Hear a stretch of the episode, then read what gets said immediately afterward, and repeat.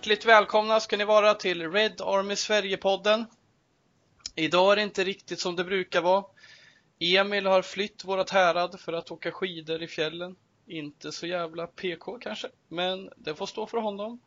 Eh, idag han, det... han, får, han, får, förklara sig när han kommer tillbaka sen. Han får förklara sig när han Om kommer tillbaka. Han kommer tillbaka. Om, Om han kommer tillbaka. Med gipsad arm och så får han förklara sig när han är programledare nästa gång när allt är som vanligt. Men nu när det inte är som vanligt så är det jag, Adam, som sitter här i Katrineholm och spelar in som programledare. Med mig har jag min bundsförvant Mikael Krekula som sitter i Malmö, antar jag? Ja, det stämmer. Ja. Kul att ha dig här. Mår du bra? Eh, jag mår helt okej. Okay. Eh, så bra som man kan må efter ett poängtapp i 95 minuter mot Everton på hemmaplan. Men annars är det bra. Och eftersom att eh, jag är programledare idag så vi behöver ha en till så har vi fått in en riktigt eh, trevlig gäst i Fabian Jalkemo. Välkommen! Stort tack! Eh, superroligt att vara med och eh, gästa eh, den här podden. Eh, så det ser jag mycket fram emot att få snacka United med er två. Det gör vi också och jag skulle vilja att du presenterar dig lite Fabian för de som inte känner igen dig. Vem är du? Eh, Vem är jag? Det är den där återkommande frågan som man inte riktigt vet hur man ska ta sig an och vilken approach man ska ta till den. Men eh, kortfattat är jag väl Fan, jag är 30 om en månad. Eh, men jag väljer att säga att jag är 29, eh, för det är jag faktiskt än så länge. Ja, det, det, är lite ångest faktiskt. Men jag mest ångest att jag inte kommer kunna fira 30-årsfesten ordentligt. Men det är, en, det är en annan historia. Vem är jag? Ska väl, det är väl ingen som bryr sig om mig som person, så jag tar väl min United-koppling indirekt har väl flyttat till Manchester 2014, eh, bodde där under, under en halv säsong eh, Eh, och har sedan dess eh, synts till i eh, Premier League-podden som jag har varit med och spelat in nu i, vad blir det, sex och ett halvt år och sedan en tid tillbaka så är även en del av Dobb-TVs nya Premier League-magasin som heter Big Six. Så det är väl lite, lite kort om mig.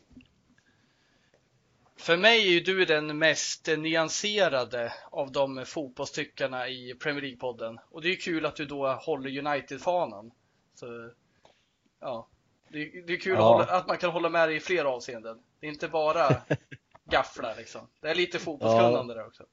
Nej men exakt, Nej, men för de som inte vet vad Premier League-podden är så, så kortfattat, vi är ju åtta personer vilket är fruktansvärt mycket och eh, de flesta håller på olika lag så det blir mycket, mycket diskussioner, argumentationer eh, som ibland går över gränsen men det är väl lite det som är roligt också och att då få klassas som den nyanserade, det, det ska väl sägas att många andra skulle säga att det är ett helt tvärtom kanske om man håller på Liverpool men det tar jag som en komplimang faktiskt.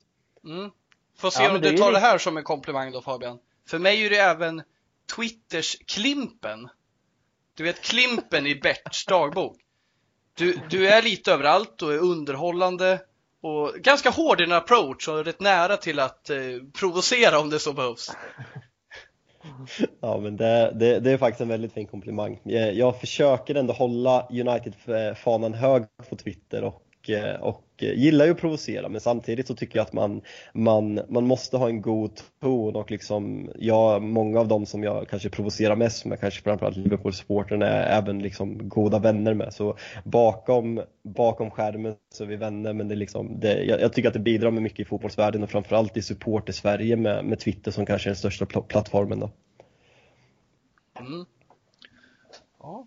Ja men, det... ja men det är fan ändå en det är ändå, ändå en komplimang med Klimpen, det måste jag säga. Klimpen var ja, jävligt måste... rolig också. Det tycker jag ja, du är på Twitter också, så det är ju bra. Frågan är vem som är Bert om det är jag som är Klimpen. Det... Jag är ju man... Åke.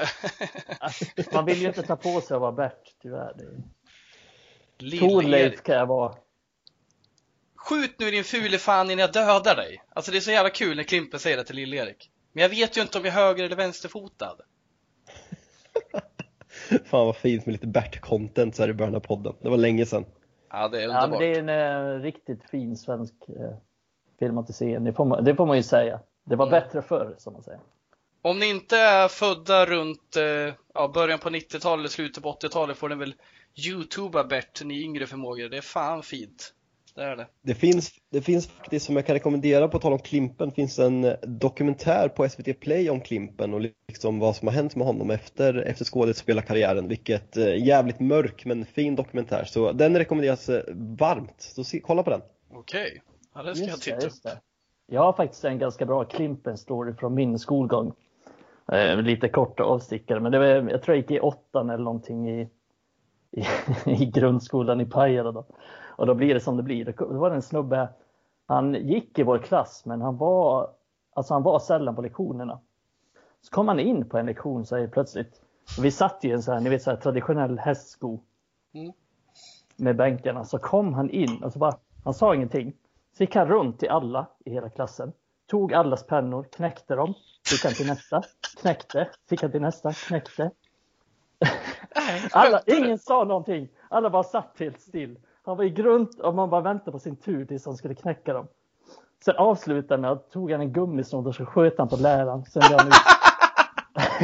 sen, såg, jag, sen såg jag inte honom eh, med den, eh, den terminen. Det var... Ja, Fan vad det är för jävla ufo. Fan vad otäckt. ja, det var ju riktigt så här Klimpen-grej. Ja. ja. Fan. Ja, det var ett jävla elände. Den eh, tackar vi för, den anekdoten. Eh, det där måste ju varit traumatiskt, med fan. Eh, nu, nu ja, jag, jag... jag minns ju det än idag, så absolut. Ja, sjukt. Eh, ja, men vi, vi börjar prata lite mer om vad som hänt nyligen då. Vi hade ju en match i lördags eh, som vi egentligen kanske inte vill prata om, men eh, vi tar tillfälle ändå till att analysera vad som hände. Eh, matchen mot Everton slutade 3-3 och det blev ju ett oavgjort resultat trots att vi initialt ledde med 2-0 under årsdagen för München-katastrofen. Det var första gången som United släpper in tre mål i ligan sedan Tottenham. Det är ganska länge sedan. Eh, var vi är nu? Vi har en seger på de senaste fem ligamatcherna. I oktober hängde Solskär löst i januari tog han United i serieledning. Var står vi nu egentligen i februari efter denna insats? Ja, det är, en bra fråga. Jag skulle säga att vi står i något slags vägskäl. Eh, trots att det är, någon, det är någon slags moralisk förbättring så har vi väl inte jättestora så säga, poängmässiga förbättringar. För om vi ser på säsongen när José Mourinho var det eländet så tog han ju ändå 81 poäng och kom tvåa då 17-18 var det väl. Eh, men om vi ser att United håller samma poängsits så kommer de få 74 poäng den här säsongen. Och, och eh, så här, du snackar om defensiven också. Det är på väg att bli en av de sämsta defensiva säsongerna eh, under Premier League-eran. Så det är, det är lite upp och ner, men han skulle behöva någon titel den här säsongen för att sen sluta lite närmare toppen än han gjort tidigare. En andra plats är ganska bra om det skulle stå sig. Det är väl nästa säsong som jag känner är mest make or break. Eh, majoriteten kommer ändå inte kräva hans avgång om han blir två i ligan. Även om han blir, förblir titellös. Jag skulle säga det, det är jag ganska förvånad över, för, men ändå inte. Han har ju ett, fortfarande ett ganska stort förtroendekapital, speciellt från engelska supportrar skulle jag säga. Sen är det väl en del svenska upp, upplever jag. Det beror väl på vad man hänger för krets som är emot Solskjaer. Men var han står kort, ja, han står i ett vägskäl där det är, det, det är svårt att säga, men vi har ju häng på toppen, men det är lite upp och ner. Så ja, jag, jag, tycker att den här, om vi, om vi börjar gå in på Everton-matchen, vi kommer säkert komma till min syn på Solskär United över stort senare i avsnittet, men just den här matchen, jag tycker den är väldigt, den är väldigt eh, varierande som supporter och som, som fotbollsälskare, för jag tycker att första halvlek är vi riktigt bra. Jag, jag tycker vi ser ett pressspel som vi inte har, en återerövringspress ska jag säga, som vi inte har sett tidigare och jag blir, jag blir väldigt imponerad. Sen spelet, absolut. Men när vi får 1-0 målet, då, då känns det väldigt bra och sen med Brunos mål på det. Men vändningen, och det som du är inne på Mikael, alltså försvarsspelet på egentligen, på egentligen alla tre mål. Det är, liksom, det är dagisnivå. Jag själv spelar i, i, i division 3 och liksom, det, det är individuella misstag och kollektiva försvarshaverier som inte acceptabelt på den nivån. Att då få se det och att det blir poängkostade i, i den här situationen som United är nu, det är liksom det, är det som på något sätt ger den mest bittra eftersmaken efter den här matchen och att vi släpper in det sena målet såklart också. Ja, men det händer ju gång på gång. Det är inte bara en, det hade ju varit okej okay om okej, okay, vi släpper in tre mål och de gör försvarsmisstag. Om det händer i en match, man kan ju köpa det. Skit händer i en match, men det här är ju det här är ju ingen enskild händelse. Det här händer ju hela tiden. Det här händer i nästintill match efter match. Vi har haft problem med fasta situationer hela säsongen. Och um, det är väl nio insläppta nu i hörnan, eller i hörnan, i ligan bara på hörna och frispark. Plus fyra straffar. Eh, så det är ju um, det är, något, det är ett stort problem där och det är ju både individuellt, som du säger individuella misstag och också eh, kollektiva misstag. Att Maguire står för långt ner i linjen och det är en enkel linje på en frispark. Och ändå finns inte den organisationen. Och vi kan ju se det under matchens gång också att till exempel Van Bissaka upphäver offsiden flera gånger. Så de har, det finns ju ingen riktig organisation där och det är väl något slags det är väl ledarskap både på planen och utanför planen. För jag tycker inte United har någon ledare i backlinjen. Eh, och ledarskap utanför planen finns ju inte riktigt heller eftersom de inte har åtgärdat de problemen som är ganska elementära och ganska borde vara ganska enkla att fixa till. Mikael, du har ju precis som mig och många andra, du har ju försvarat Maguires eh, insatser när det har varit jävligt mycket blåsigt runt honom. Det har varit ganska mycket orättvisa eh, tillmälen han har fått eh, både förra säsongen och tidigt den här säsongen innan hans osofylla hade gått ur kroppen.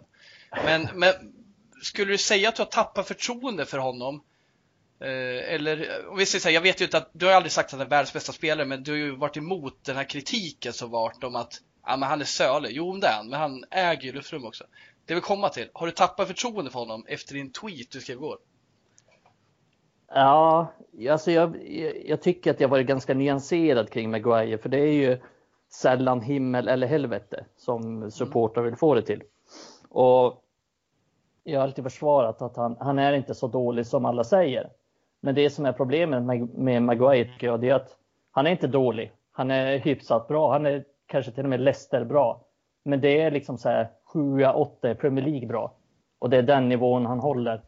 Och eh, han köptes för en miljard och ska liksom leda backlinjen för Manchester United som ska vinna Champions League och Premier League. Och den klassen håller han inte.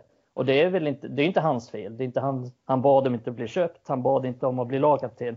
Men nu är han lagkapten i Manchester United och han ska styra upp det försvaret och det är på hans axlar. Och det kan han inte hantera. Det är han inte tillräckligt bra för.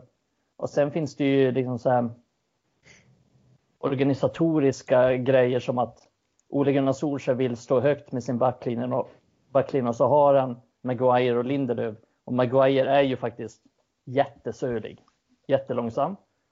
Och då får han det tufft. Och tar vi den här matchen mot Everton, då möter vi Calvert Lewin som både är snabb i djupled och stark i luften. Vilket inte är bra för varken Maguire eller Lindelöf. För Lindelöf har svårt mot den typen av spelare. Och Maguire har svårt, eller om vi ska säga Lindelöf har svårt i luften och Maguire har svårt längs marken. Så det blir ju oroligt när han kommer mot dem. Och ja, han är ju den som fixar poäng till dem också. Vad känner du Fabian där med Maguire, Lindelöf? Nej, men jag, jag vill inne lite på det, det du börjar Mikael, att jag, jag har ju försvarat Maguire extremt mycket och i grund och botten handlar inte det om att jag tycker att han har varit en fantastisk värvning för Manchester United för jag hävdar att han, han blir han blir orättvist behandlad av framförallt analytiker och motståndarsupportrar och även egna supportrar för att de stirrar sig blint på hans prislapp. De jämför honom med Virgil van Dijk som ungefär kostade lika mycket och eh, att han liksom ser trubbig ut, han har inte det mest graciösa utseendet om man får vara liksom, om man får ta den banan och det, det har inte varit till hans fördel. Eh, sen anser jag fortfarande att kollar man Manchester United innan Harry Maguire kom så tycker jag att vårt försvarsspel fungerar fruktansvärt mycket bättre med honom i laget. Vi har fått in en spelare som spelar 38 matcher, ligamatcher på en säsong. Eh, vi har liksom en han, han kanske inte är den generalen som han ska vara för den prissumman men han är ändå en ledare i backlinjen. Eh, sen som du är inne på Mikael, liksom han, det går att argumentera för att han inte ska spela i ett lag som ska vinna Premier League men samtidigt så är han Englands startande mittback som tar sig till en kvartsfinal i VM så jag vill nog fortfarande inte ge upp på Harry Maguire utan jag tror snarare att han, han behöver en lekkamrat bredvid sig som kompletterar honom bra och eh, det är ju en diskussion mellan svenskar, liksom, vissa är överskyddande eh, mot Maguire och vissa är överskyddande och hatar Lindelöf men jag landar i att de kompletterar inte varandra. Eh, Lindelöf är en jättebra försvarsspelare och skulle göra det jättebra i en annan liga tror jag men tillsammans med Harry Maguire så kompletterar de varandra inte tillräckligt bra och då, då håller jag Baji som en, en bättre partner till Harry Maguire. För de kommer aldrig flytta på Harry Maguire. Med den frislappen, med det, det, brittiska passet han har så det, det, tror jag alla förstår att han alltid kommer vara nummer ett, eller inte alltid men ni fattar vad jag menar. Ja, jag tycker ju att han ska vara det i nuläget också. Tills jag, jag kan hålla med om det att han, får han en snabb liksom så här, världsklass mittback bredvid sig som, som är snabb och kan rädda upp det, ja, då kan jag absolut se att United blandar sig in i, i toppen liksom av de stora turneringarna med Harry Maguire i laget. Men jag ser inte det, att United kan nå dit med sig om han spelar med typ Lindelöf. Det tror jag knappast. Eh, då är han inte tillräckligt bra.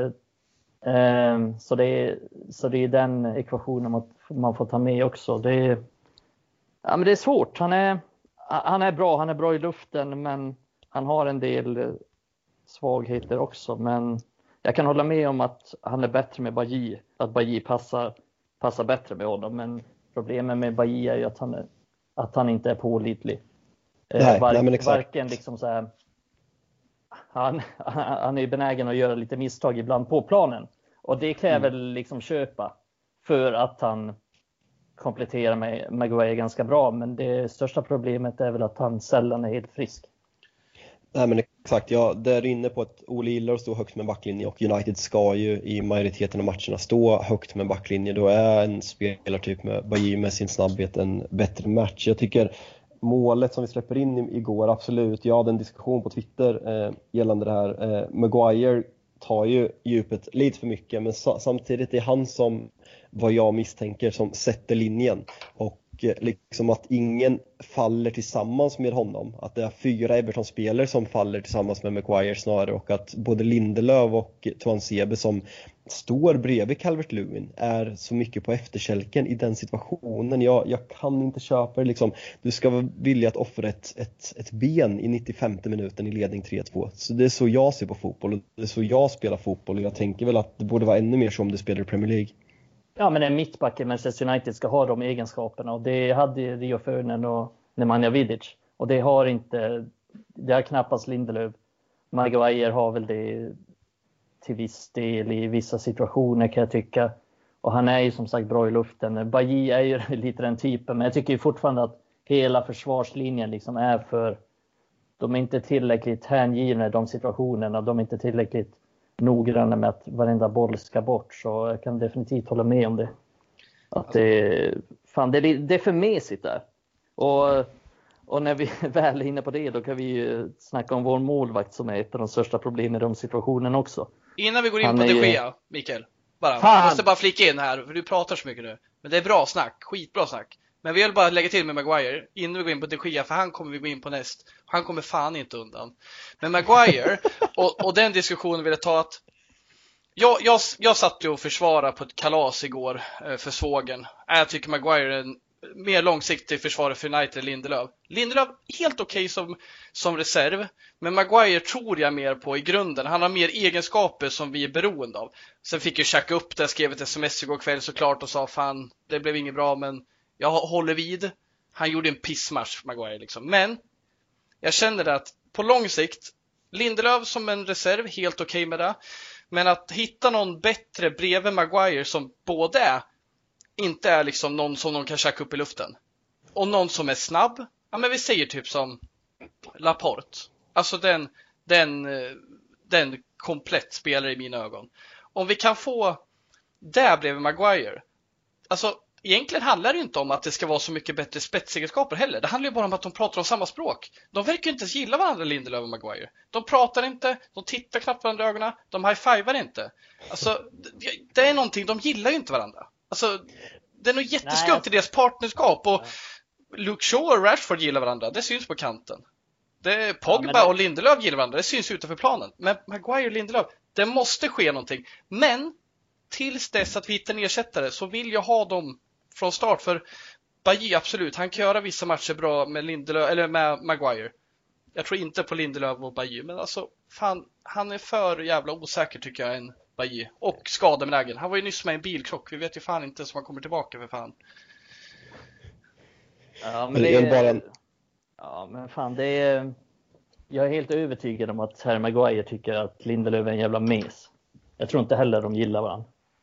Och Lindelöf tycker att Maguire är en jävla sopa liksom. Ja, Nej, ja, de... garanterat, garanterat. Ja, men Pogba och Lindelöf står och skrattar åt Maguire. Fan kolla på honom, han ser ut som en engelsk kärring. Ja, men... Nej, men jag tycker det var intressant, jag satt i, i Big Six-studion och David Fjell pratade om att vi diskuterade, det grundade i att vi diskuterade John Stones, liksom hans revival i Manchester City. Mm. Och, och vi pratade liksom, bara för att få en annan take på det, för jag, jag är på er sida men om vi bara ska se vad som, om vi ska vara positiva, eh, för vi har varit väldigt negativa, vilket är lätt att vara kring Manchester United överlag den senaste tiden. Mm. Eh, men att Vigge liksom i grunden, jag tror ingen tvivlar på att han är en fantastisk försvarsspelare. Vi ser i matcher när vi ligger lågt, exempelvis Liverpool borta och eh, PSG borta som kanske är tydligaste exempel i år, att han är en fantastisk försvarsspelare. Mm. Han är 26 år och liksom, han har fått de här tre, fyra år, tre åren i Premier League nu. Kan det vara så att, han, att det krävs den här akklimatiseringen, att han liksom går upp och kommer in på sina bästa år nu och eh, kan vara den här spelaren som bildar ett, ett bra mittbackspar tillsammans med Harry Maguire.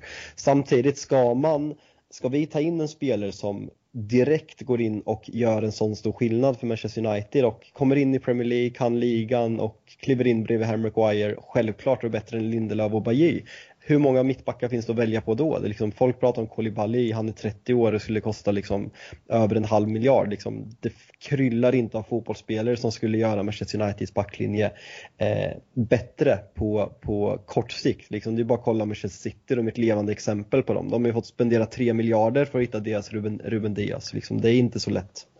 Nej, och det där är jätteintressant och alltså, jag tror visserligen det finns kanske Upamecano. Nu tycker jag att det är väldigt överskattat alltså det som kommer från Tyskland. Vi ser väldigt sällan att det blir jättebra när spelare värvas från Tyskland, det ska sägas. Men jag vill ändå återigen säga att bara det är en annan spelare som inte pratar något annat språk än Maguire så kan det bara bli bättre.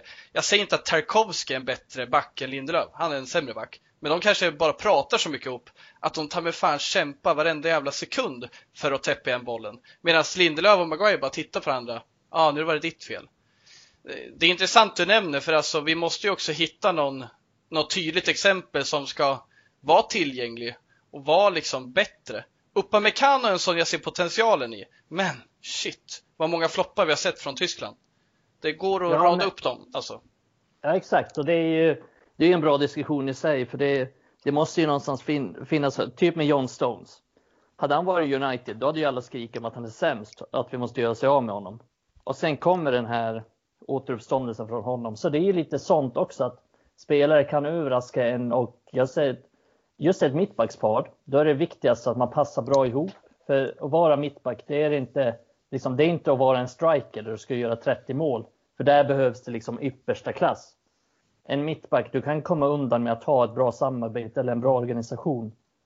Eh, och är inte dina mittbackar bäst i världen, ja du kan fortfarande spela ett bra försvarsspel.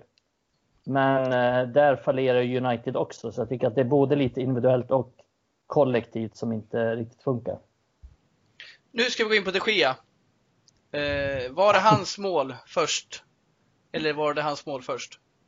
Alltså 1-0 är väl ingen som tycker något annat, hoppas jag inte. Men det är ju det är en dundertavla. Eh. Det är liksom ett löst inlägg som man egentligen bara ska greppa och ska han boxa bort den då ska bollen liksom bort. Så det är en, det är en supertavla i min värld. Ett, hans agerande på 3-3 går att ifrågasätta. Jag skulle inte säga att det är en tavla men det, det är väl typiskt det sker hur han, hur han rör sig. Jag bara dra ett exempel. Jag vet inte om ni såg Leicester-matchen när, idag när Fabio Silva kommer fri och liksom man ser hur Kasper Schmeichel kommer ut och liksom mm. hade jag, hade, hade jag varit anfallare hade jag blivit rädd när Kasper Schmeichel kommer ut där. De Gia känns mer som att han, han gör sig liten och kryper ihop.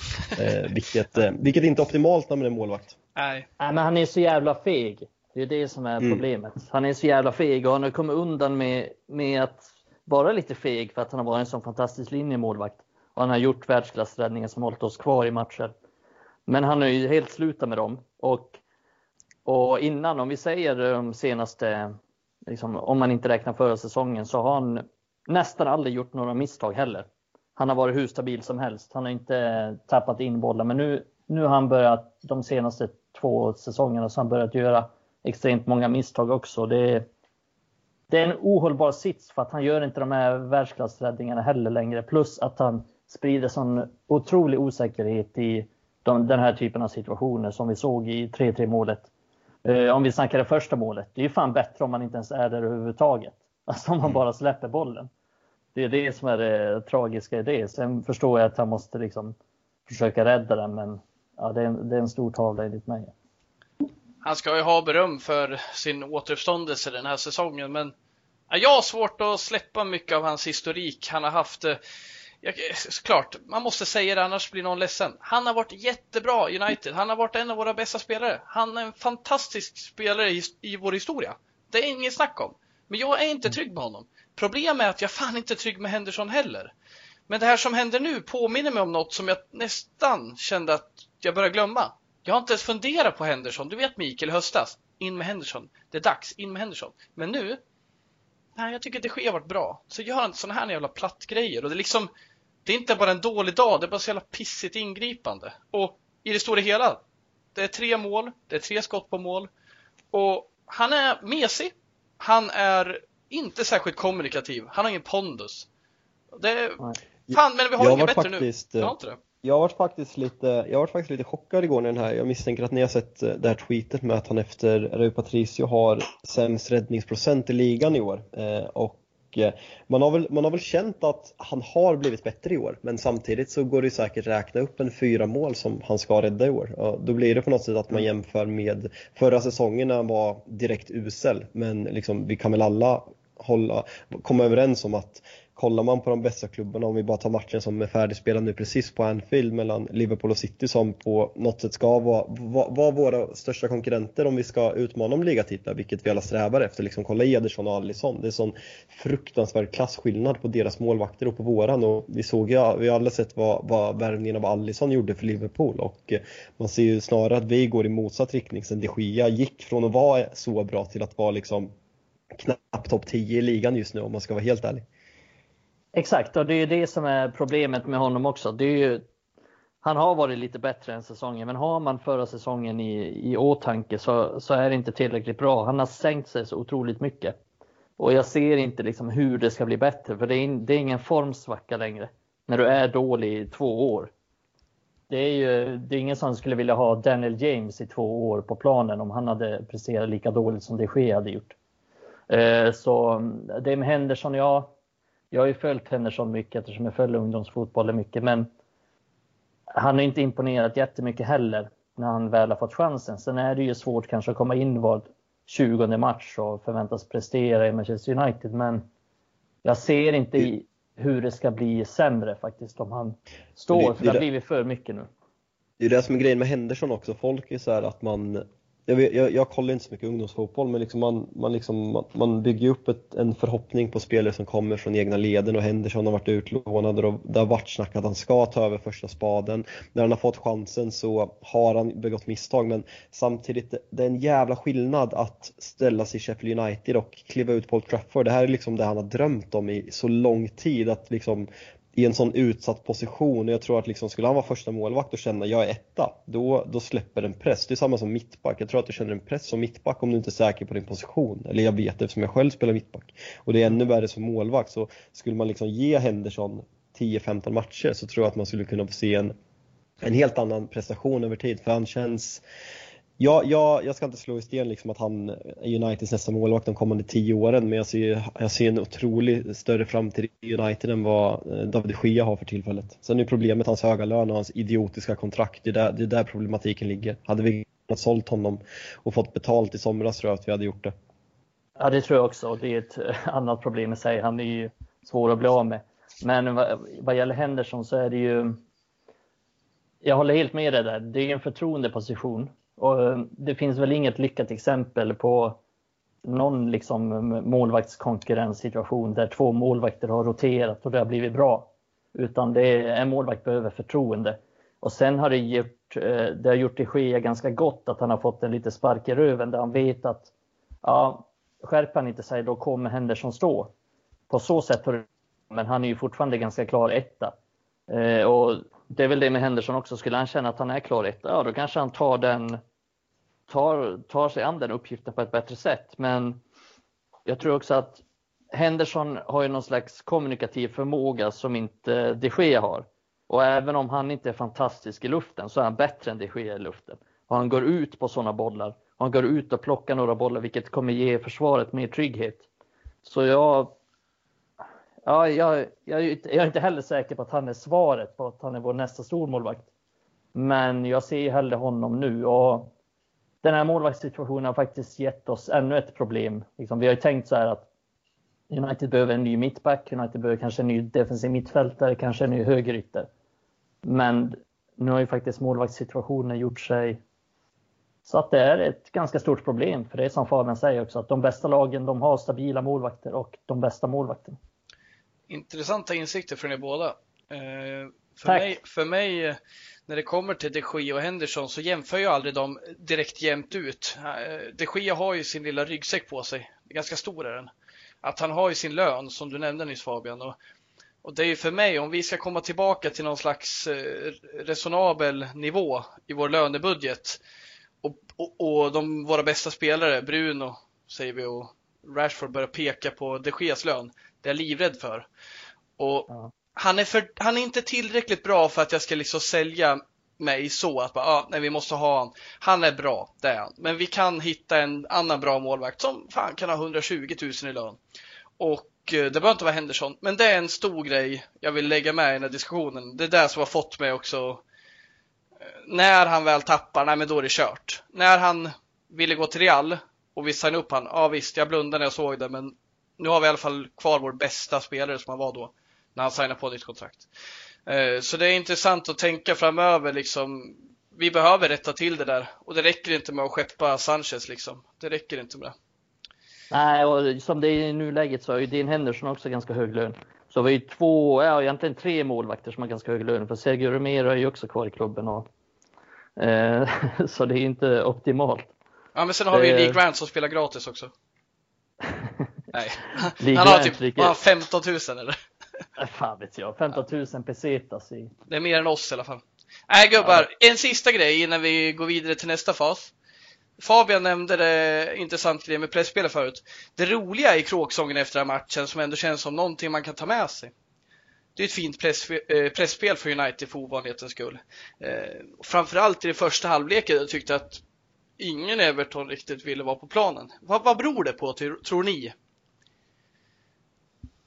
Ja du, alltså det, det kom lite från ingenstans. Jag vet inte om det är självförtroendet efter, efter 9-0 på något sätt och att vi på något sätt har, har satt en 11 eh, till viss del. Eh, jag trodde väl kanske att Fred skulle starta den här matchen bredvid McTominay och inte Greenwood. Eh, jag tycker Greenwood ska ha en jävla cred för han har fått väldigt mycket kritik den här säsongen men jag tycker han är riktigt bra igår. Poängen lossnar inte och det är lite frustration i hans spel men han är väldigt bidragande i det här pressspelet och gör en superinsats tycker jag. Sen när man tar Cavani istället för Martial tror jag är vitalt för att vi ska kunna spela det här sättet. Och det ser vi ändå även att han, när han dels bidrar med det här pressspelet men en, en, även gör de här striker-målen som vi har saknat sen kanske van Persis eh, säsong 12-13 så då är det svårt att inte känna eh, väldigt starka känslor för Edison Cavani.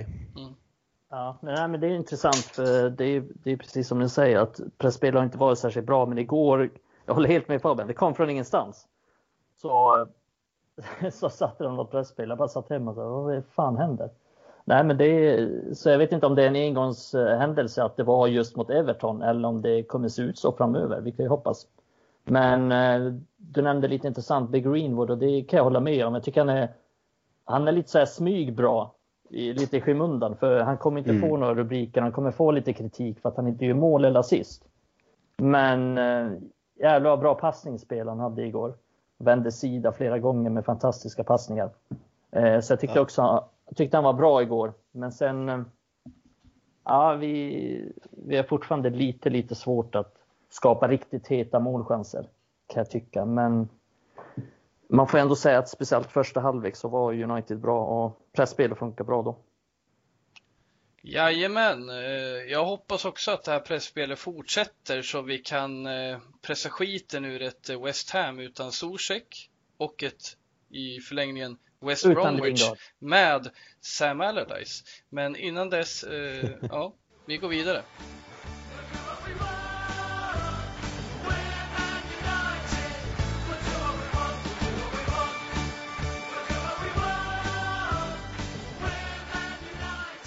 Ja, härnäst tänkte vi avhandla kommande matcher. Eh, tänkte vi gå in lite mer digert på West Bromwich. Eller eh, vad säger man i Norrköping? Är det Västra Bråviken? Fabian? Aldrig hört en parallell till West Bromwich, men ja, vi kör, vi kör på det ikväll. Jag hade en gammal kollega i Nyköping som alltid sa Västra Bråviken när vi snackade om tipset. Eh, och Bråviken går ju dit med. Men eh, först lite kort om West Ham. Eh, väntar ju på tisdag. Ett West Ham vi mött denna säsong som vi ja, avhandlar ganska bra i andra halvlek efter en tuff första halvlek där jag minns Donny fick kliva av i halvtid och Bruno kom in och rättade upp skeppet åt rätt riktning. Eh, alltså, ja, Precis, Cavani fick gå ut i, eh, också i halvtid. Ja, just det. det var ingen det bra dag för nyförvärven. Men eh, West Ham då, kuppen 1. Ska vi satsa på den här matchen? Ska vi köra vårt bästa lag eller ska vi rotera likt vi gjort tidigare? Alltså hade du, hade du frågat mig för två veckor sedan så hade jag sagt vaska skiten. Eh, liksom indirekt rotera, rotera där, där vi kan rotera. När man på något ironiskt sätt trodde att vi skulle ha chans att eh, vara med i en titelstrid eh, i alla fall tre veckor till.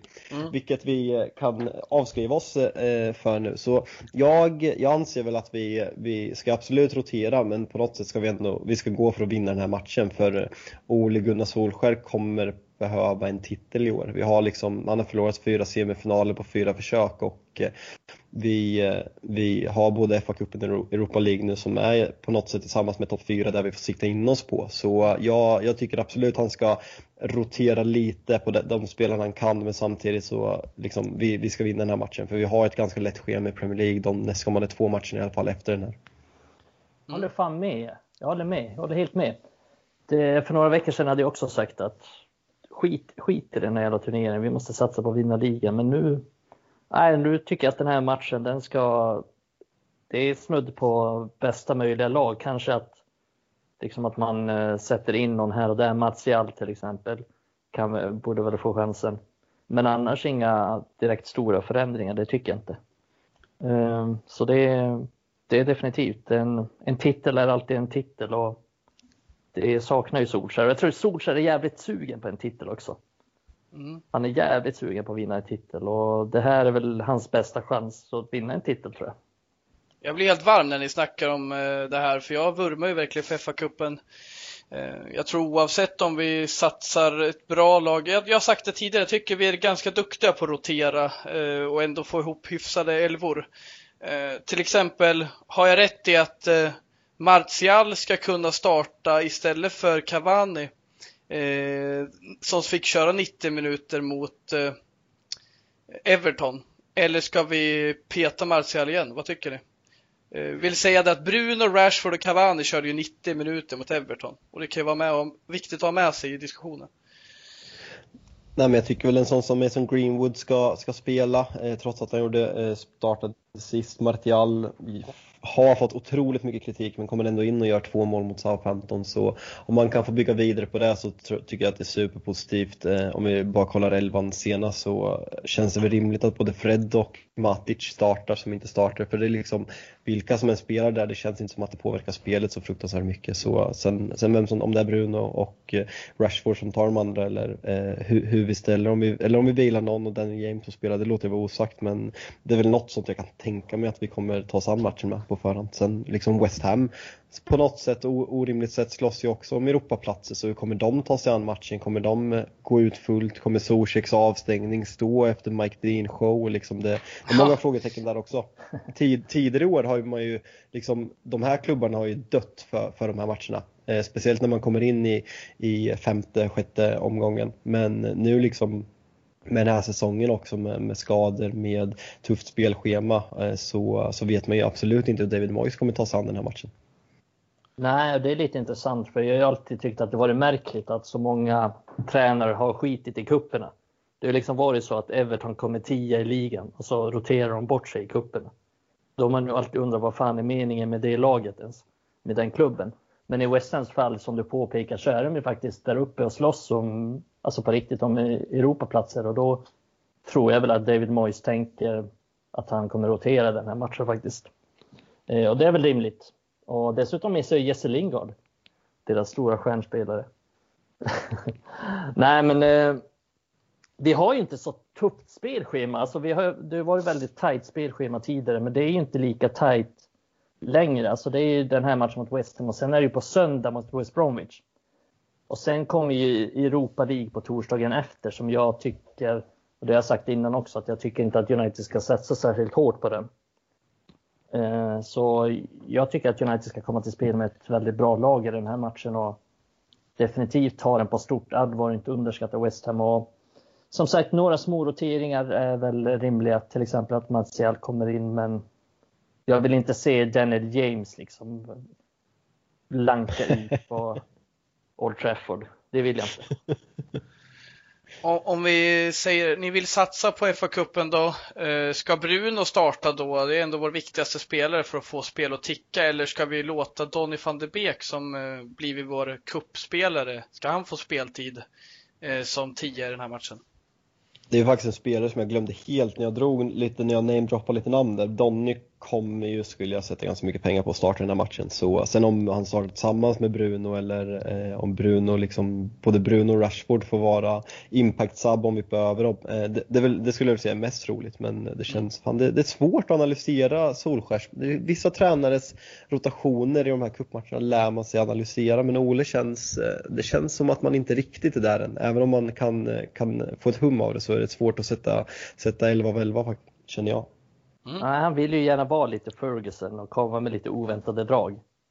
Han slänger ju in Daniel James mot Leeds till exempel, vilket blev en succé i den matchen. Men han kom ju med lite sådana som man inte riktigt kunde se komma. Så det, det ska bli spännande att se, men jag tror att han kommer ställa ett ganska så starkt lag i alla fall. Det kommer inte bli så många rotationer, det tror jag inte. Men efter West Ham då så fortsätter ju kampen i ligaspelet eh, i helgen på en fan trevlig tid för, eh, tycker jag, vi eh, på eftermiddagen för en gångs skull möter West Bromwich. Eh, det är ett besök på The Hawthorns som väntar. Och vi, Manchester United, är ännu utan förlust på bortaplan denna säsong. Då är det angenämt att vara på resande fot. sist vi mötte Sam Johnstones West Bromwich Albion, det var i november månad. Då hade vi Fred, Matic och Mata på planen. Eh, Bruno gjorde matchens enda mål. Eh, Slaven Bilic, som alltid ser skitnödig ut vid sidlinjen, var ansvarig på den tiden. Numera är det Big Sam, som inte ser lika skitnödig ut, men istället aningen mätt. I dubbla syften. Han ser väldigt mätt ut, av många anledningar tycker jag. Eh, har ni något minne från senaste matchen mot West Bromwich Albion? Eh, när vi tog vår första seger på hemmaplan? Jo men alltså det, Får inte det fan, jag tände till här. Det var en ganska öppen match ändå där West Bromwich skapade flera chanser och hade en jävligt bra chans precis innan United fick straffa. Var det inte så? Eh. Jag, jag, vet inte om ni kommer ihåg det, men när jag presenterade mig själv, jag sa att jag fyller 30 om en månad. Eh, jag eh, frågade mig om en match för 10 år sedan, inga konstigheter, men en match för fyra månader sedan, nej. visst är det så? ja, visst är det så. Man har bra, jävligt bra minnen från, från vissa matcher. Jag kommer ihåg en ligacupmatch mot Chelsea på Stamford Bridge där vi spelade med Michael Keane och Scott Wooton som mittbackar. Förlorade med 5-4. Ja, 5-4. Ja. I den matchen, vi slog dem i ligan eh, matchen innan och Mike Clattenburg vart ju rasistanklagad för att ha sagt något till John Obi Mikkel och United har ju med sig en banner i, i eh, San John Terry-anda där det står Clattenburg Referee Leader Legend. För han dömde två straffar till United i den här matchen. Ni ser minnet när vi pratar den här Aha. tiden. Det, det är överjävligt. Ja, men det är intressant Fabian, vi är i samma ålder och jag har fan exakt samma. Jag har bättre koll på våra matcher mot Blackburn än våra matcher mot Sheffield United liksom. Och lite kontext till den där referee leader legend, det var ju att Chelsea har ju en banner med, med John Terry, leader legend, och John Terry blev ju rasistanklagad därefter. Lite mm. tumult med Anton Ferdinand. Så det var ju en fantastisk eh, banner, fan vad rolig den var. Ja, den var 5 plus rad. Det stod Captain Leader Legend på eh, JT, det är väl typ alltså Stamford Bridge kändaste, kändaste banner. Så nej, det, det är liksom supporter banter när den är som bäst. Och det var ju framförallt, det ska sägas, det var inte på grund av de här rasistgrejerna mot Mikkel eh, som man anklagades som han var friad för, som, som någon tolkar så. Det var mer att United fick, jag tror vi fick om vi fick två straffar eller en straff och Chelsea fick två röda kort. Eh, så det var, ju, det var ju i den alltså, att man ville hylla Kattenberg för de tveksamma domsluten. Så det var, äh, det var superkul och den här matchen det var liksom full kortsida i tre dagar senare i ligacupen när vi ställde upp med juniorlaget. Det var äh, men, jävla fint minne. Ja. Scott Wooten eh, orsakade en straff och så att Hazard kvitterade och tog det till förlängning. Och så vann Chelsea där. Sen dess gjorde Scott Wooten ingen match i United igen. Sen gick han till Leeds och Wigan och Plymouth och spelar League One nu. Så kan Finarna. det gå. Vad heter det? Men på tal om, på tal om Scott Wooten så vill jag prata om, nej, vad heter det? vi ska väl fortsätta prata om West Bromwich då. Och uh, ja, fortsätt Mikael. Ja, men det, det är enligt mig ligans sämsta lag. Och vi var inte bra i den hemmamatchen mot dem. Men det är, det är liksom andra tider nu för att jag tycker United har blivit bättre sedan dess och West Bromwich har som du nämnde en helt annan tränare. Mm. Eh, så det kommer bli en annorlunda match men det är en, det är en match där liksom vi ska bara vinna den för att de är, de är rätt svaga. Men jag har sagt innan också att United jag sa det på någon podd sen, United kommer inte vinna en enda match enkelt den här säsongen. Och så bara några matcher senare så vann United mot SA-15 med 9-0. Men jag står fortfarande fast vid att det är, det är en ganska bra sägning. Jag tror inte United kommer vinna enkelt särskilt många matcher jag tror inte det blir enkelt här heller. Men det är definitivt en match som, som United bör vinna och ska vinna och som jag tror att United kommer vinna. Men vem fan vet? Måste säga att jag är, jag är enormt besviken på Big Sam. Jag är ändå faktiskt det är ingen tränare höjer till skyarna, men när det kommer till att rädda lag som håller på att åka ur så gör han ett bra jobb och jag tycker man får hålla isär det när man snackar om honom som tränare. Eh, han är ingen tränare för landslaget eller Everton, men, men nu så här, jag blir så jävla besviken och jag tittar lite statistik inför min preview som kommer i veckan att alltså Slaven Pilic hade 13 matcher innan han fick kicken. Han har, alltså Allardyce har tre matcher mindre och har redan släppt in fler mål.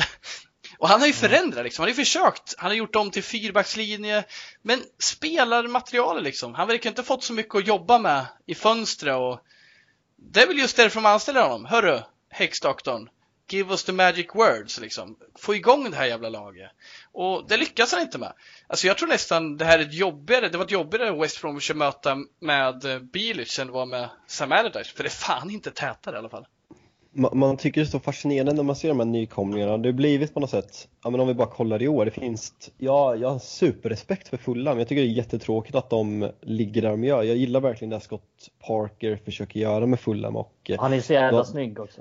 Ja, framförallt det. Jag, jag faktiskt en, jag, jag, jag hade en, den man-crushen jag har på Jack Grealish just nu, den, den är liksom så här den är, den är orimlig, den är inte hälsosam. Men jag hade en liknande på Scott Parker eh, när han spelade i, eh, när han, så, sången där när han lämnade eh, West Ham till Tottenham. Så jag har faktiskt en England-tröja med Scott Parker 8 på ryggen. Okej! Okay. Jävla fint! Scott Parker, Jack Greelys farsa egentligen. Det är ju, Parker har varit och knullat snett i Birmingham. Han känns lite, han känns lite mer gentlemannamässig än Jack Grealish som är mer när ah, han åker, åker, till eh, Lanzarote på sommarsemester. Nej men som, som, du inne på, eller som jag var inne på, att Fulham, där ser du liksom en tydlig identitet och Leeds ska vi inte ens prata om. De är, liksom, gör en fantastisk säsong som, som nykomling och det är väl mycket Bielsa att tacka men liksom och Sheffield United förra året, de, liksom, de hade sitt grisiga jävla spel men de hade verkligen en jävla karaktär. Sen överpresterade de, men West Bromwich den här säsongen, det, helt omöjligt att säga vad de vill. För de, de, är inte bra på någonting. De är inte defensivt bra, de är inte tuffa, mm. de är inte offensivt bra. Det är bara ett tragiskt jävla pisslag som nu försöker rädda säsongen genom att låna in rejects från Arsenal liksom. Och, nej, man bara vill ju att det går käpprätt åt helvete för dem. Ja, de är oerhört jävla tråkiga. De är som ett lite sämre Newcastle. Mm. Ja. Ingen karaktär, ingen, liksom, inga spelare av värde eller någonting. Eh, fan vad förbannad jag blev. Jag blev liksom så här rikt, uppriktigt förbannad när jag såg att de gick upp till Premier League förra säsongen. För jag visste att det här skulle hända. Visste att de skulle komma och tråka ut oss alla igen. Helt meningslösa. Jag, jag har United-koppling. När jag bodde i Manchester så var den första bortamatchen jag såg på den resan, eh, West Bromwich borta, när Fellaini gör sitt första mål för United. Eh, så det, det, är något som ingen kan ta ifrån mig, att jag såg Fellainis första mål på plats. Okay. Eh, så det är typ det, det, det, jag tar med mig från West Bromwich i, i, egentligen. Men på tal om det, Adam nämnde ju att det var en eh, bra tid på den här matchen, eftermiddagsmatch eller vad du sa. Mm. Eh, det var ju många sena matcher den här säsongen, typ 21-0 mot Everton senast på en lördag. Mm. Vilket inte är skitkul liksom, att sitta hemma och se den 21.00 på en fredag. Men du som har bott i Manchester och åkt på lite matcher, vad är den bästa tiden för att se en livematch skulle du säga? Liksom som supporter på plats. Nej men alltså det, det är ju eh, det är 16 och, eh, eller om vi tar svenska tiden då, 16 och 18.30 lördagar är helt överlägsna. Eh, de här, som supporter jag, jag var bland annat och såg Southampton borta eh, klockan 21 en måndag. Men liksom, då har du, det blir en jävla stämning för att folk, många, har, många får ta ledigt från jobbet och liksom kan dricka på. Indirekt så handlar ju avsparkstiden, hur mycket öl kan du dricka innan? Det är det som avgör hur bra matchen är. Det, det, ju bättre stämning det blir, desto fullare folk är. Problemet med de här 21 matcherna när United möter Southampton en måndag, det är liksom matchen börjar 20 lokal tid, eh, slut 22 och sen har du 30 mil hem. Det är, liksom, det är inte det är det som engelsmän framförallt stör sig på något oerhört och det är bara för att vi svenskar ska få se den här matchen på TV.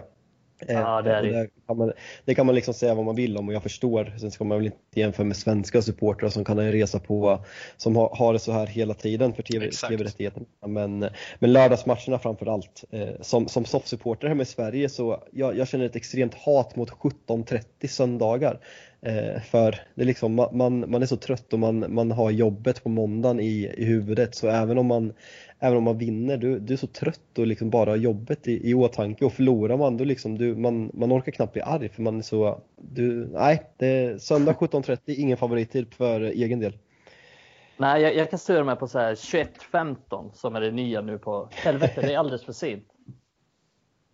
Eh, vi ska inte fastna i det, men det är ja, kul att höra lite insikt hur det är och vad engelsmännen tycker. Och en liten input där, det är ju att för dem är ju 30 mil sjukt långt. För engelsmännen, det är deras lilla, lilla land till ytan. Ja, inte nog med det måste de ju köra på fel sida av vägen, så det är klart, det, det ja, märks det för dem. Det märks, det märks. Vet du, jag, jag tänker så här. Eh, West Bromwich har ju en usel form. De har vunnit en av tio matcher under West, eh, under West Bromwich, säga. under Sam Allardyce. Eh, och det är inte till vår fördel. Eh, och jag tänker att det spelar egentligen ingen roll hur bra motstånd eller svårt motstånd vi möter eh, eller hur lätt motstånd det är så är det svårt tycker jag att välja en startelva idag. Eh, jag vet inte om ni håller med er, men gör ni det eller oavsett vad ni tycker så får ni gärna nämna vilka spelare vill absolut se i en sån här viktig match då, ändå Premier League. och vilka vill absolut inte se? Eh, jag tror ingen egentligen tycker samma när det kommer till Elver idag. Jag, jag hör fortfarande folk ropa efter Alex Telles. Jag hör fortfarande folk, höra folk ropa efter Donny van de Beek. Så det finns ju ett brett spektra av åsikter. Men jag vill höra era liksom. Finns det några spelare som ni verkligen måste se och inte vill se? Jag kan alltså, öppna jag... själv. Jag vill bara se Bruno. Jag måste ha Bruno på plan. Hela tiden. Du måste det? Ja, jag måste ha det. Alltså grejen är, jag vill, när vi har kommit så här långt och, på säsongen och liksom laget har satt sig, jag är väl ganska klar i vad jag anser är Manchester Uniteds bästa elva och backlinjen tro, eh, beroende på match. Vigge mot de bättre lagen, Bajy mot de sämre lagen. Eh, mittfältet med Fred McTominay, eh, Eh, vad tänker jag på nu? Bruno, Bruno lite framskjuten, Rashford till höger, eh, tyvärr, då är inte han lika bra där, Pogba uppe till vänster och Cavani, för jag tycker på något sätt att vi får in våra bästa spelare där. Det, det är vad jag tycker är vår bästa elva om vi liksom skulle spela Champions League-final.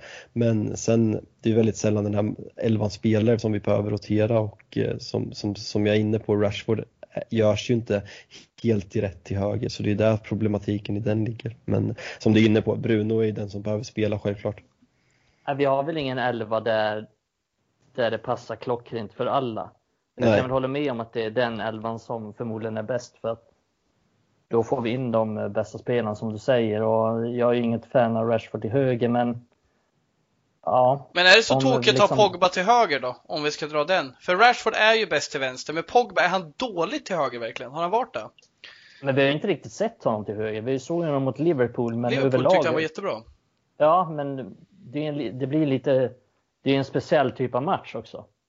Vi har inte riktigt sett honom mot ett sämre lag till höger och jag tror väl inte att han skulle vara dålig där, men det, det är väl liksom inte hela världen. Säg att du spelar Pogba och Rashford och sätter Pogba till höger och sen Rashford till vänster. Det är väl fan bara att byta om det blir dåligt. Men det är ju som vi snackade liksom... om eh, förra veckan Mikael, att Rashford ska inte vara till höger. Det är ju liksom, han får ju inte ut sin repertoar där och jag, jag, jag gillar ju Pogba till vänster, men det är just det mm.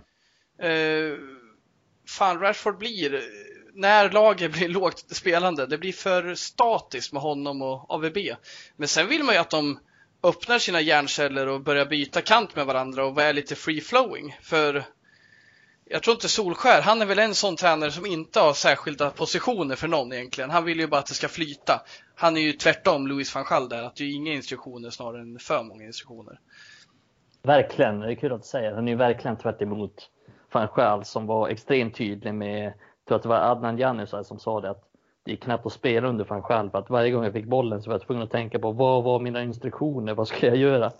Och tar du bort det från en offensiv spelare så, så kommer du inte få särskilt mycket snabba beslut i alla fall. Och sen måste det såklart finnas instruktioner, men till, till viss del. Och där är väl Solskjaer tvärt emot, att han inte har särskilt mycket instruktioner alls, är min känsla i alla fall. Men, och det är väl lite det som är, om vi tar mot ett lågstående försvar som West Bromwich kommer vara, då är jag orolig för Rashford på högerkanten för att han är inget stort hot mot mål där. Han har ganska bra inlägg, vilket han visade mot Everton, men han kommer liksom inte dribbla och gå in och ta skott med vänstern. Eh, så det är väl lite det jag är orolig för i den typen av matcher. Men som sagt, man kan alltid byta kant. Eh, jag vill ju ha in... Jag tycker att den elvan som Fabian nämner är det bästa. Liksom. Jag gillar ju Fred McTominay på mittfältet. Jag tycker de växer mer och mer på mig, båda två faktiskt. Jag tycker McTominay framförallt blir bättre för varje match som går. Och det, Fred, det blir nog Fred också, för jag tycker han har varit bra den här säsongen. Eh, så jag vill ha dem på mittfältet och jag vill ha Pogba och jag vill ha Rashford och Bruno och sen Cavani. Sen är jag ju ett stort fan av Mason Greenwood också, men det är svårt att argumentera för att han är bättre än Pogba och Rashford. Och när vi ändå snackar om det här, eh, Pogba då, eh, vill vara in på planen. Hur, hur ser vi framöver då? Om vi ska, det blir lite många frågor ett här, men om vi ska försöka sy ihop det här. Ska det fortsätta roteras likt det gjort med Paul Pogba under vintern? med olika roller. Han har ju ganska bred repertoar, det ska ju sägas. Eh, kanske inte klockren som sittande mittfältare, men kan ändå eh, upprätthålla den rollen eh, ganska bra i vissa matchbilder. Eh, Ska han vara en given startspelare? Nu har du ju nämnt det lite, men, men, men hur ska han placeras i startelvan liksom? Och, nu, nu har ni nämnt på kanterna. Är det så han ska vara? Eller ska han fortsätta vara lite eh, all hjälp, eh, all fix service AB? Liksom?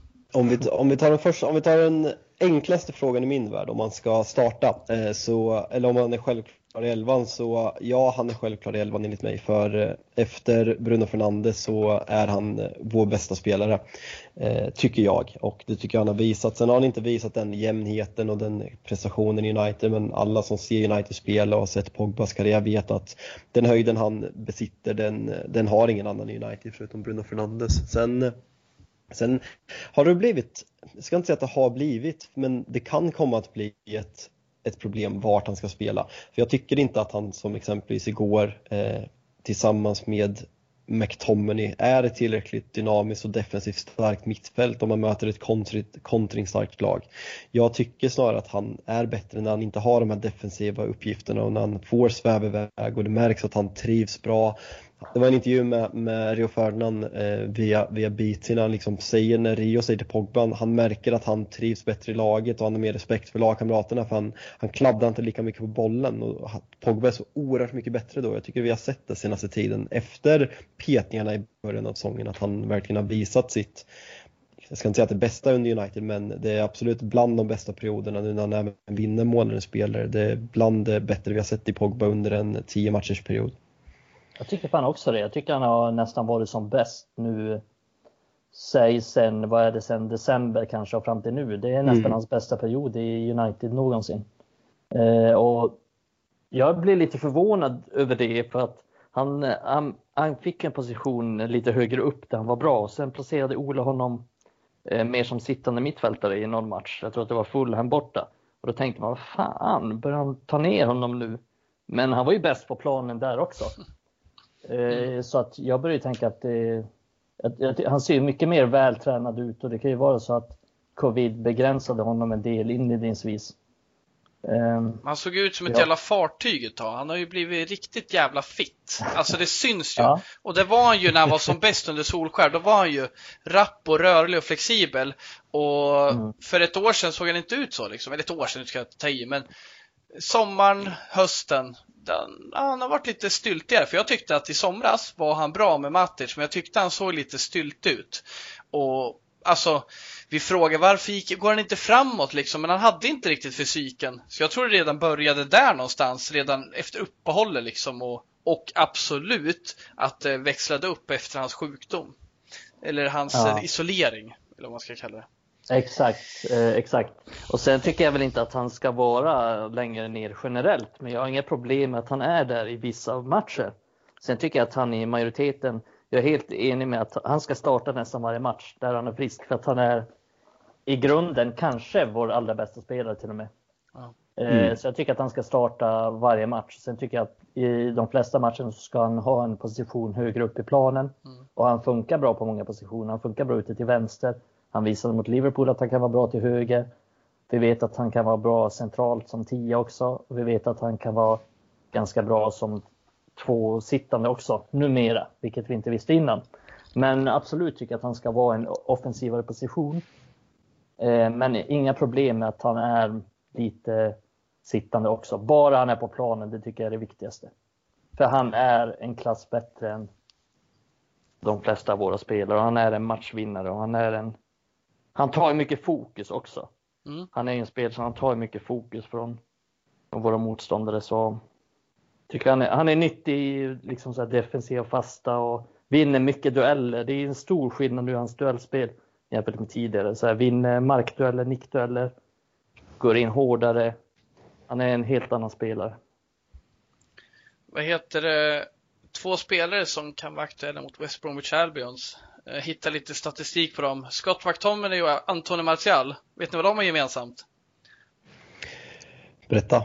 Inte mycket tror jag. Tror Nej, de, de, har nästan, de har nästan exakt lika mycket minuter i Premier League. Till, eh, 1200 minuter har de spelat i Premier League. Vardera. Och de har båda gjort fyra mål. Vad gör man med den statistiken egentligen? Är det för mycket av McTominay och för lite av Martial? Eller vad gör man med det? ofta när man drar sån här statistik så är ju ofta att där man ska lägga sig någonstans mittemellan för Martial ska ju såklart gjort mer mål eh, och McTominay, att han har gjort fyra mål när han inte ens har startat alla matcher, det, det är sinnessjukt. Han är så häftig, jag tycker det är kul. kul. Det är jättekul. Att han kommer in ja, i straffområdet på det sättet som, jag tycker inte han har riktigt vågat det och det känns som att någon har släppt på kopplet där på honom. Men han är ju som bäst eh, box to box tycker jag, när han får komma typ som mot Leeds, när han får komma i andra vågen, ta sig in i straffområdet. Han har ett bra skott och han är även bra på fasta situationer, så jag tycker han, han växer för varje match som går och spelar man honom rätt och får ut det av honom så tycker jag att han är han, är, han har överraskat mig måste jag säga. Jag är ju, eftersom jag kollar mycket ungdomslagen så har jag följt hans karriär. Liksom. Jag har aldrig tyckt att han är bra Nej. överhuvudtaget. Men jag tycker att han har varit riktigt bra den här säsongen, alltså på riktigt bra. Det är ju även så här förra säsongen så är jag tvivel. Bara, ja, han är väl okej, okay, liksom. det går att slänga in honom då och då och han funkar. Men nu tycker jag att han är bra på riktigt.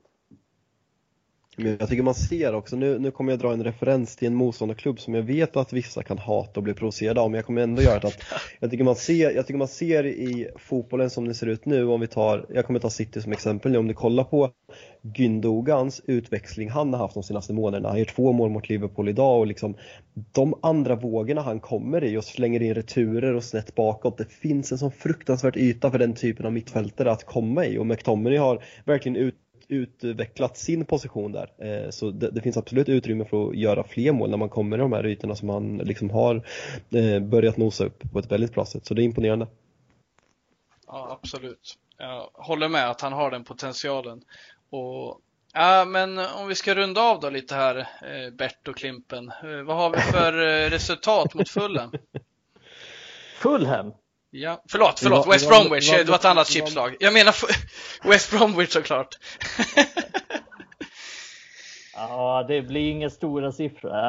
10-0 för att överträffa mm. 9-0 seger mot Nej, men det blir väl, jag tror United vinner med 2-1. Det är ett tråkigt tips, men vi håller inte nollan, men vi vinner med mm. uddamålet. Uh, nej men jag, fan borta, vi vinner ju borta. Jag säger faktiskt att vi vinner ja. med 2 Eller ja, 2-1. Vi kommer ju säkert släppa in ett dumt jävla mål på en försvarstavla och sen vända på något sätt som vi alltid gör. Men jag, jag säger 2-0. Jag, ska, jag är känd pessimist men jag ska vara optimistisk här så att uh, era lyssnare får en, uh, får en annan bild av mig. Ja, det är bra. Jag, jag gillar ju ändå det här att du säger 2-0 först, sen bara kommer du på, fan det är United och det här försvaret vi har. Okej, okay, men jag är lite positiv. 2-0 mm. Ja. Det är vad den här klubben gör med den. Det är så. Det krävs ja, viss det psykologtid och lite kärlek från medmänniskor. Så klarar man dagarna mellan matcherna. eh, talar jag kanske för mig själv. Nej, men eh, vi ska runda av det här kalaset. Superkul att du var med oss idag Fabian. Du är hjärtligt välkommen i framtiden att gästa oss. Det var en väldigt ja. trevlig injektion.